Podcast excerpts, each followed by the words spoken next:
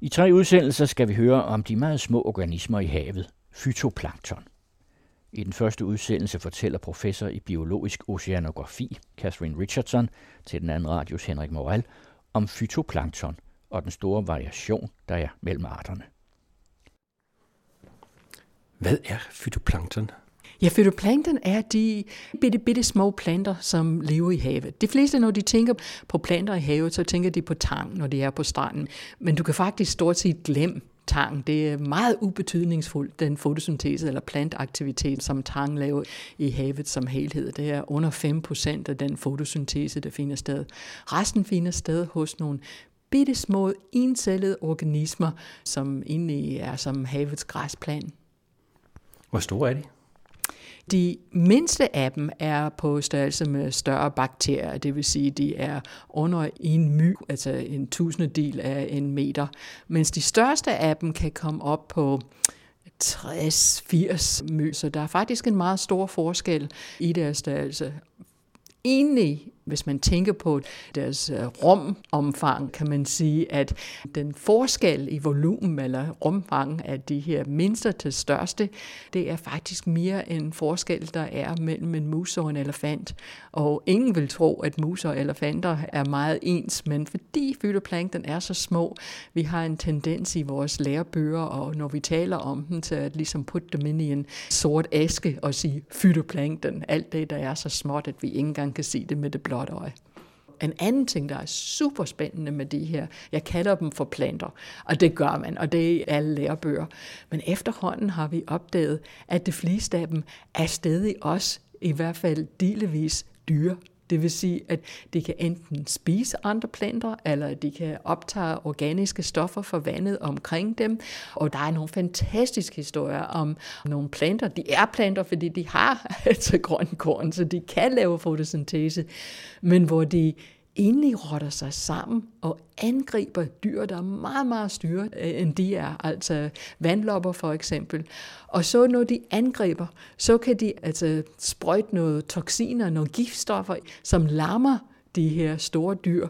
Og så kan de sætte ligesom en sugerør ind i de her store dyr og suge noget indhold ud og spise dem. Og der er myriader forskellige strategier for at gøre det her. Men i havet er det der med at være plant eller dyr, det er ikke nær så opdelt, som det er på landjorden.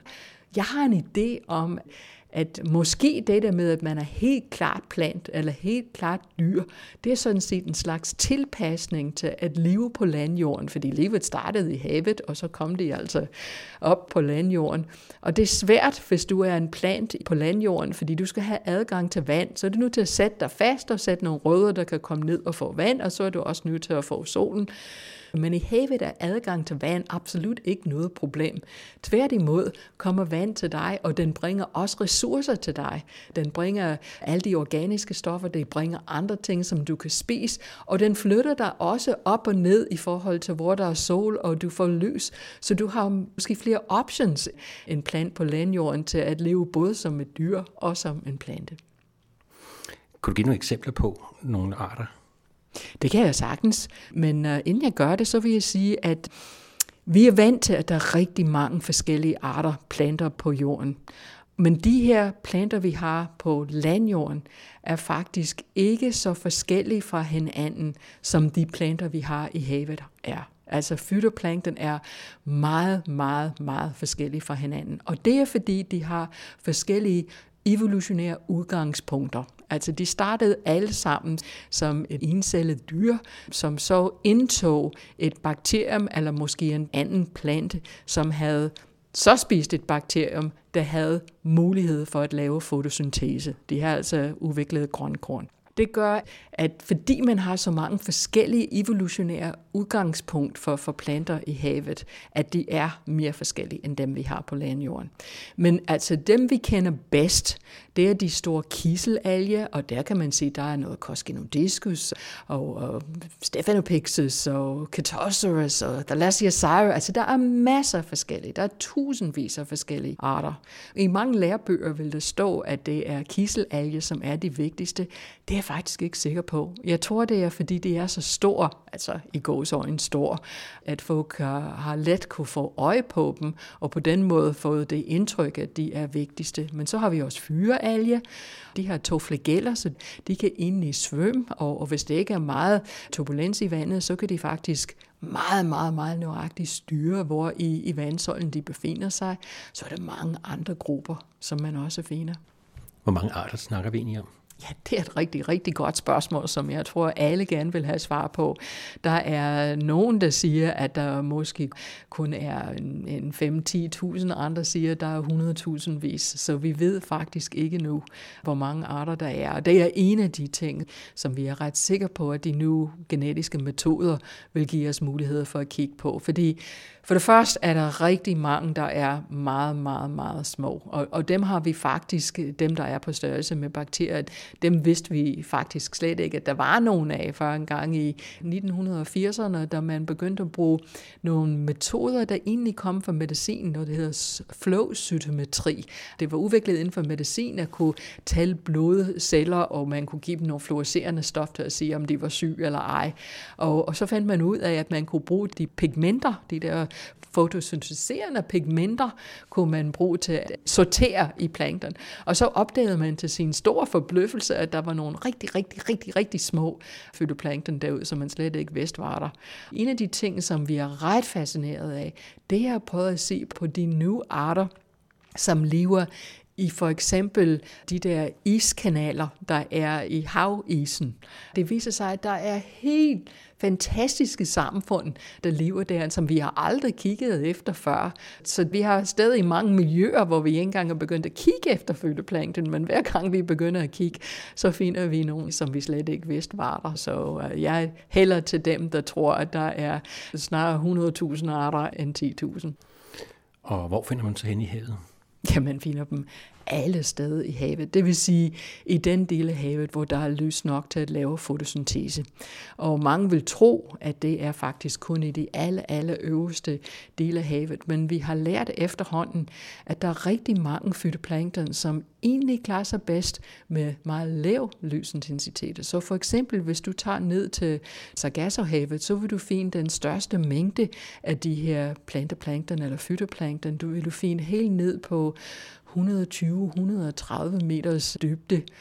Nogle arter laver også noget, vi kalder for en søst eller en resting spore, det vil sige, at det er et stadium, hvor det egentlig ikke er aktiv og laver fotosyntese, men de går i hi, kan man sige, ligesom en bjørn.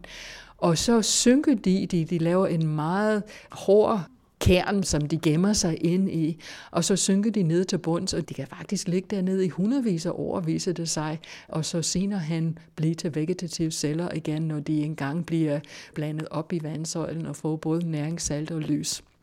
Så man finder dem alle steder i havet, men når de er aktive og laver fotosyntese, så er det faktisk kun i de øverste 1.500 meter, noget af den stil. Og der må så også være nogle forskelle på, hvor vi er henne i forhold til, hvor meget lys der kommer ned.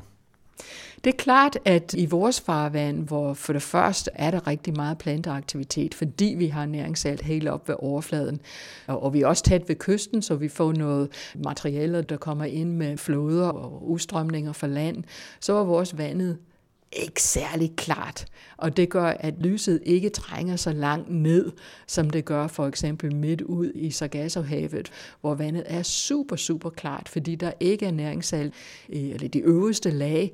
Og det gør, at når der ikke er næringssalt, så kan der ligesom øh, planter på landjorden, så kan der altså ikke vokse planter.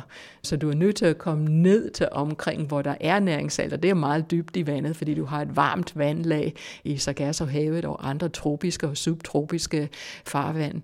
Og der, hvor man ikke kan have planter, og hvor man ikke får udstrømning fra land, så er vandet krystalklar, og lyset kan trænge meget længere ned. Men i de indre danske farvand, så vil vi om sommeren fine, at øh, de største mængde af de her planter, de vil ligge ned omkring en 15-20 meter, noget af den stil. Men ikke de aller øverste lag, fordi igen om sommeren, så er vores vand lavdel, det ved vi alle sammen, når vi er ude og, bade i en sø, at hvis man ligger sådan vandret og ligger op ved overfladen, så er det dejligt varmt, og når man står vertikalt i vandet, så kan tæerne godt komme til at fryse.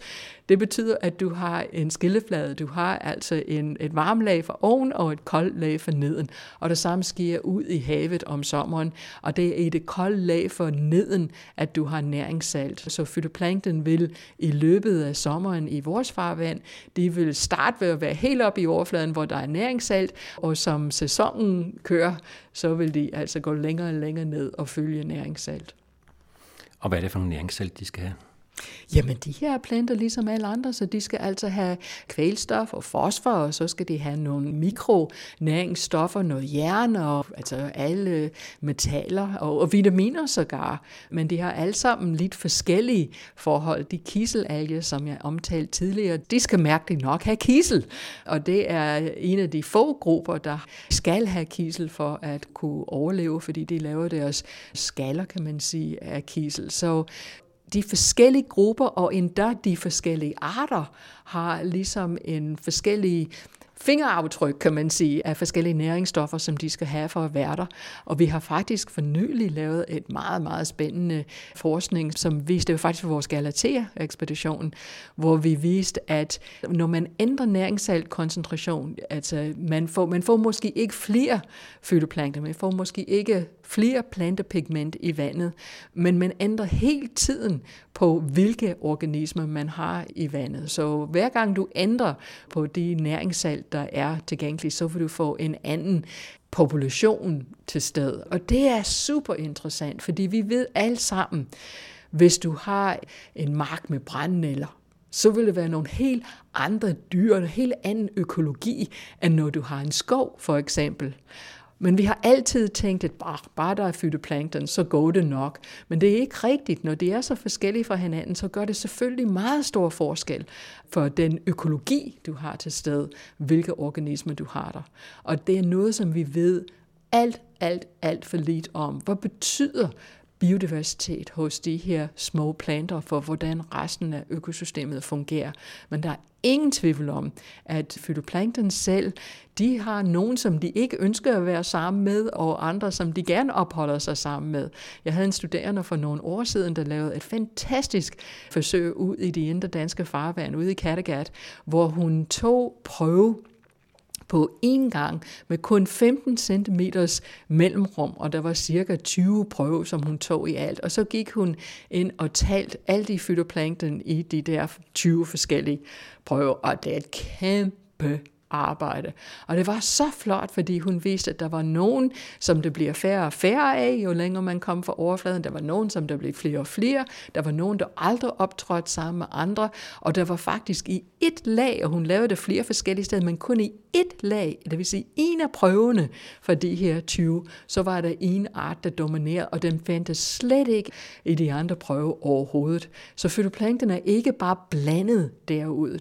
De er egentlig ligesom på landjorden, hvor man kan sige, at en bjergkæde for eksempel kan afgrænse, om du har den ene plan på den ene side og den anden på den anden. Så er vi begyndt at tro på, og det er den, min forskning fokuserer på i øjeblikket, vi er begyndt at tro på, at meget små forskel i oceanografien, altså bitte små ændringer i temperatur eller saltholdighed for eksempel, kan udgøre en slags barriere, der holder forskellige populationer fra hinanden, og kan egentlig sørge for at fastholde, at der er den mangfoldighed, der er af fytoplankton. Fordi man vil egentlig umiddelbart synes, at når vandet bevæger sig hele tiden, hvis du bare venter længe nok, så vil alting blive blandet alle steder.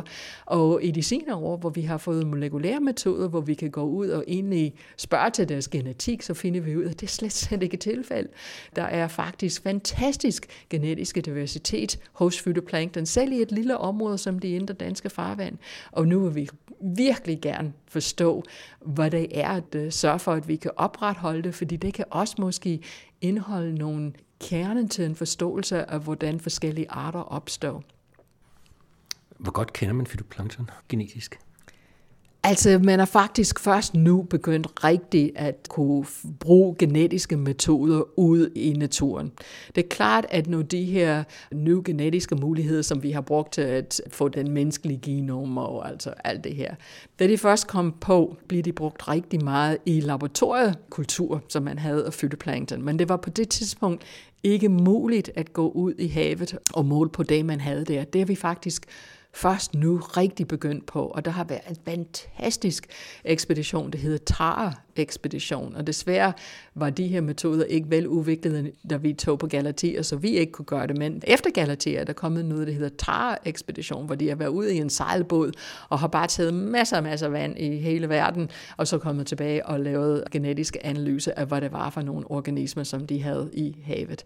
Og der er masse af overraskelse, der er ved at komme ud af de analyser. Jeg tror, det åbner for en helt ny verden omkring fytoplankton. For eksempel, vi har altid troet, at de organismer, som var rigtig, som sank til bund, så egentlig transporterede fytoplankton materiel ned til bunden af havet, at det var de store, tunge arter, som de kiselalger eller fyrealger eller kalkflagellater, som er meget tunge, de er altså som sten og synker ned til bunds.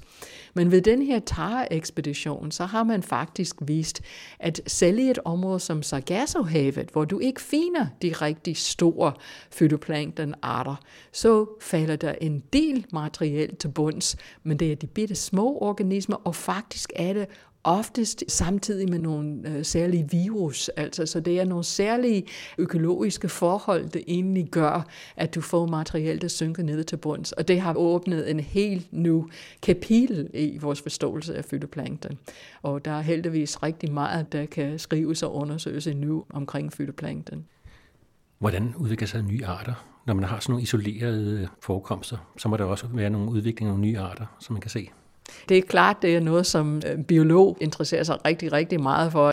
Vi har altid sagt, at på landjorden, at det sker ved, at du har en population, som bliver adskilt fra hinanden af en eller anden grund. Altså det kan være, fordi der er kommet en bjergkæde, eller man er kommet ud på en ø. Det er fantastisk, det der ud med Darwin og fingrene ud på de Galapagos øer. Altså at man siger, at de der forskellige arter opstår, fordi altså det på de forskellige øer, hvor der var forskellige føderessourcer osv., og så var de nødt til at tilpasse sig til de vilkår, der var på den ø, hvor de var kommet på. Og efter et godt stykke tid, så har de holdt sig væk fra hinanden i så lang tid, at de ikke længere kan få børn med hinanden. Og det er sådan set vores definition af det, hvad er en art. I havet Altså, det er lidt mere kompliceret, fordi igen, man tror, at, at i sidste ende, så vil alting blande sig sammen.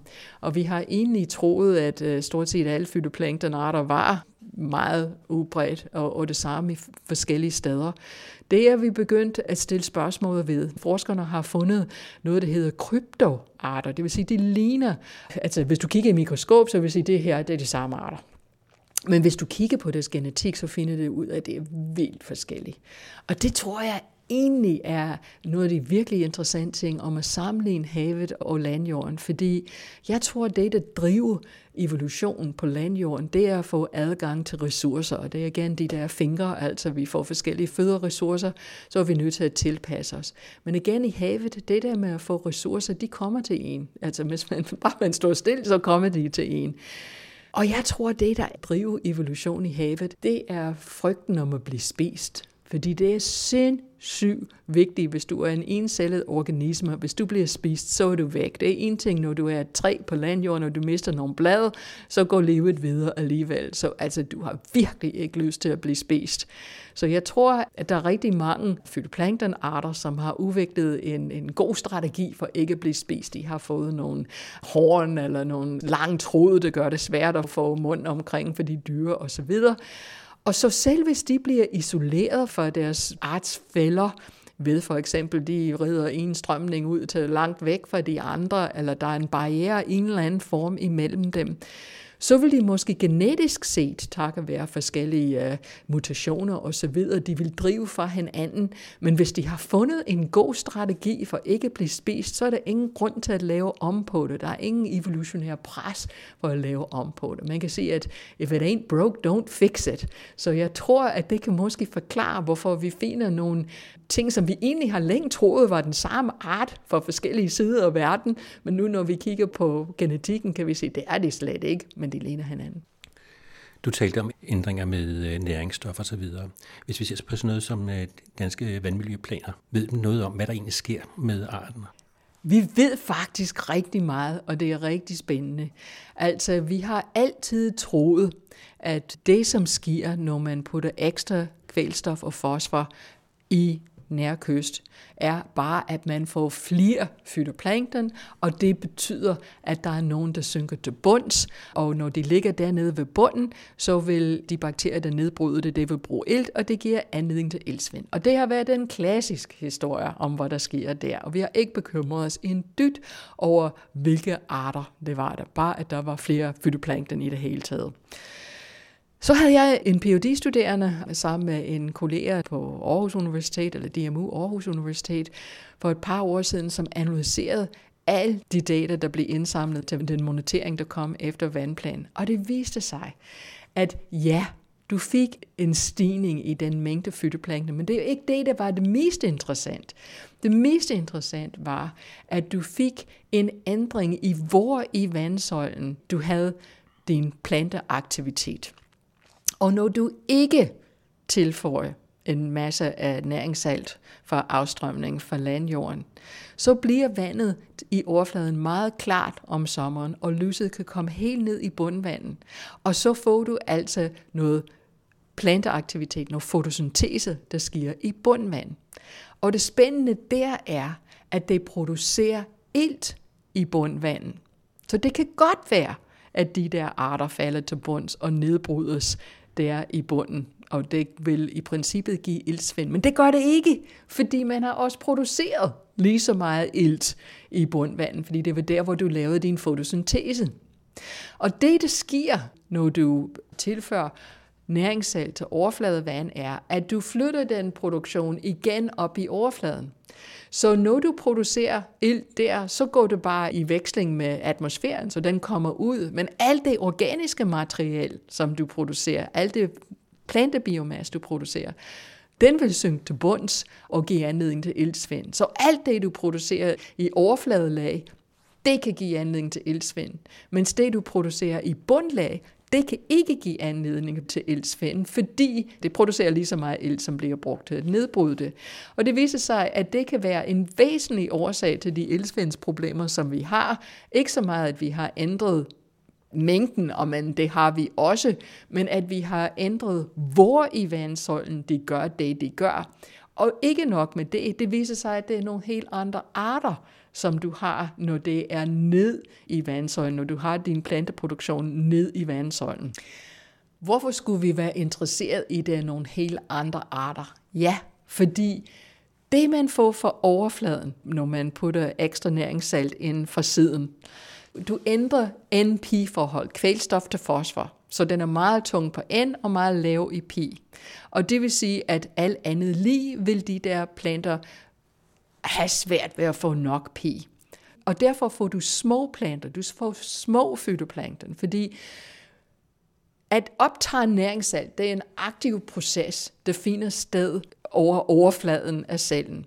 Og jo større overflade til volumforhold du har, jo lettere du har at få adgang til, en, til næringssalt, når de er begrænset. Alt det betyder, at du ender med at få meget, meget, meget, meget små arter op i overfladen, mens du kan have de store arter for neden, hvor du har en, en bedre balance mellem kvælstof og fosfor. De små arter, de små fytoplankton, de spises af bitte små dyr, nogle gange eller flagellater, nogle gange andre planter, som spises af lidt større dyr, som spises af lidt større dyr, som så måske spises af fiskelarve og kan spises af os. Det vil sige, at der er måske fire eller fem led inden energien, den energi, som bliver fanget af de mindste fytoplankton der, egentlig nå helt op til der, hvor vi kunne spise det, op til fisk. Mens når du har stor fytoplankton til stede, de kan nogle gange spises direkte af fiskelarver, eller i hvert fald af de store surplankton eller dyrearter, som så kan spises af fiskelarver. Det vil sige, at der måske er kun to, højst tre led, før det kommer op, den energi kommer op til os. Og det gør sindssygt syg meget forskel, hvor mange led man har i en fødekæde, fordi du mister cirka 90% af energien, hver gang du går fra en led til en anden. Så når du har kun små arter, så er det meget sjældent, at du har rigtig mange fisk. Det er derfor, du har forholdsvis få af de store fisk og rovdyr ned i tropiske farvand, fordi der er ikke de store fytoplanktonceller. Det kan godt være, at de laver meget fotosyntese, men de er meget små, så inden du får energien op til de højeste niveau, så er der ikke ret meget tilbage. Mens i vores farvand, i Nordsøen for eksempel, så får vi en meget, meget, meget produktiv fiskeri, fordi vi har mange af de store planktonarter. Og hvis utrofiering, det vil sige hvis tilførselen af kvælstof og fosfor, har medført, at der er færre af de store fytoplanktonarter i de indre danske farvand. Hvad er egentlig vores hypotese? Så vil det betyde, at energioverførsel til de højeste trofiske niveauer, det vil være ringere, end når der er store fytoplankton til stede. Så biodiversitet betyder rigtig, rigtig meget. Så når man lige beslutter, at man skal ændre tilførselen af næringsstoffer, så har det ret stor betydning i forhold til, hvad der lever i vandet. Det har en rigtig, rigtig stor betydning for naturen i havet, men desværre tænker vi ikke så meget på naturen i havet, som vi tænker på naturen på landjorden. Og det er selvfølgelig, fordi altså, havet er egentlig et fremmed miljø for os. Altså hvis vi bliver kastet ud i det, der hvor vi ikke øh, kan vade ind til, eller svømme ind til landjorden igen, så vil vi egentlig ikke klare os ret længe. Altså vi, er, vi vil være nødt til at kæmpe og bruge en masse energi for at sørge for, at vi får, får luft, og vi kan jo ikke drikke vandet, og vi kan ikke finde noget at spise, og visse steder kunne vi også blive aftensmad for et andet dyr, og vi vil miste en masse af varme til vandet omkring os, så vi kan ikke klare os ret længe der. Det er et ret fremmed miljø for os, og derfor forstår vi det egentlig heller ikke. Nogle få af os er så heldige, at vi kan komme ind i, i dykkerudstyr og komme ned i havet, eller måske komme ned i en ubåd. Men selv der er vores sanser altså simpelthen ikke indrettet, så vi kan se naturen der, som jeg er indledt med. Man tænker på planter i havet som værende de tang, som vi kan se, men de er fuldstændig ubetydningsfuldt i forhold til den fotosyntese, der finder i havet. Det er de små planter, som vi, okay, okay, hvis man er under 40 år, og man holder et glas havvand op til lyset, kan man måske godt se nogle små ting bevæge sig i vandet, men altså for alt praktiske formål, så kan vi slet ikke se de små planter, der er i, i vandet, de fytoplankton. Hvis man nu har forelsket sig en art, og vil studere den, hvad gør man så? Ja, men uh, vi har faktisk også nogen her på KU, som har forelsket sig i enkelte arter. Og det man gør, hvis man forelsker sig i en art, er, at man fanger den i naturen, man lærer at dyrke den i laboratorier, som i sig selv kan være noget af en bedrift, fordi alle fytoplankton har forskellige næringsstoffer, som de har behov for, og vi ved ikke på forhånd, hvilke nogen det vi har forelsket os i egentlig har. Og når man har den til at vokse godt i laboratoriet, så vil man nok tage nogle billeder under lysmikroskop, og så vil man begynde at kaste sig ud over elektronmikroskop og, og lære alle dens finurligheder at kende, og hvordan de forskellige plade, eller hvad det måtte have hos sine, sine overflader, hvordan de er bygget op, og man vil nok analysere dem i forhold til, hvad for nogle kemikalier elementer, som de indeholder. Og så hvis man gerne vil forstå, hvordan den fungerer, så vil man i laboratoriet give den forskellige næringssalt eller forskellige lysforhold og, og prøve at se, hvordan den vokser på de forskellige. Og så kunne man måske, hvis man var rigtig interesseret i at vide, hvordan den er ud i naturen, så kunne man altså også lave nogle undersøgelser med forskellige dyrearter og se, om de spiser dem, og om det er en god næring til de her potentielle prædatorer. Så der er mange forskellige måder, man kan undersøge det på, og se, om det indeholder giftstoffer osv. Jeg har forelsket mig i fytoplankton mere generelt. Jeg er ikke så forelsket i enkelte arter, men jeg bliver altså fuldstændig blæst væk, når jeg ser, hvordan de egentlig ser ud. Men jeg er mere interesseret i, hvordan de fungerer som et samfund, og hvad de gør i fællesskab. Så jeg undersøger skoven som helhed, kan man sige, og hvad den betyder for de andre dyr, der er der, og egentlig for os. Udsendelsen var tilrettelagt af Henrik Moral og er en del af serien Museer skaber viden. I næste udsendelse fortæller Catherine Richardson om fytoplanktons rolle i økologien.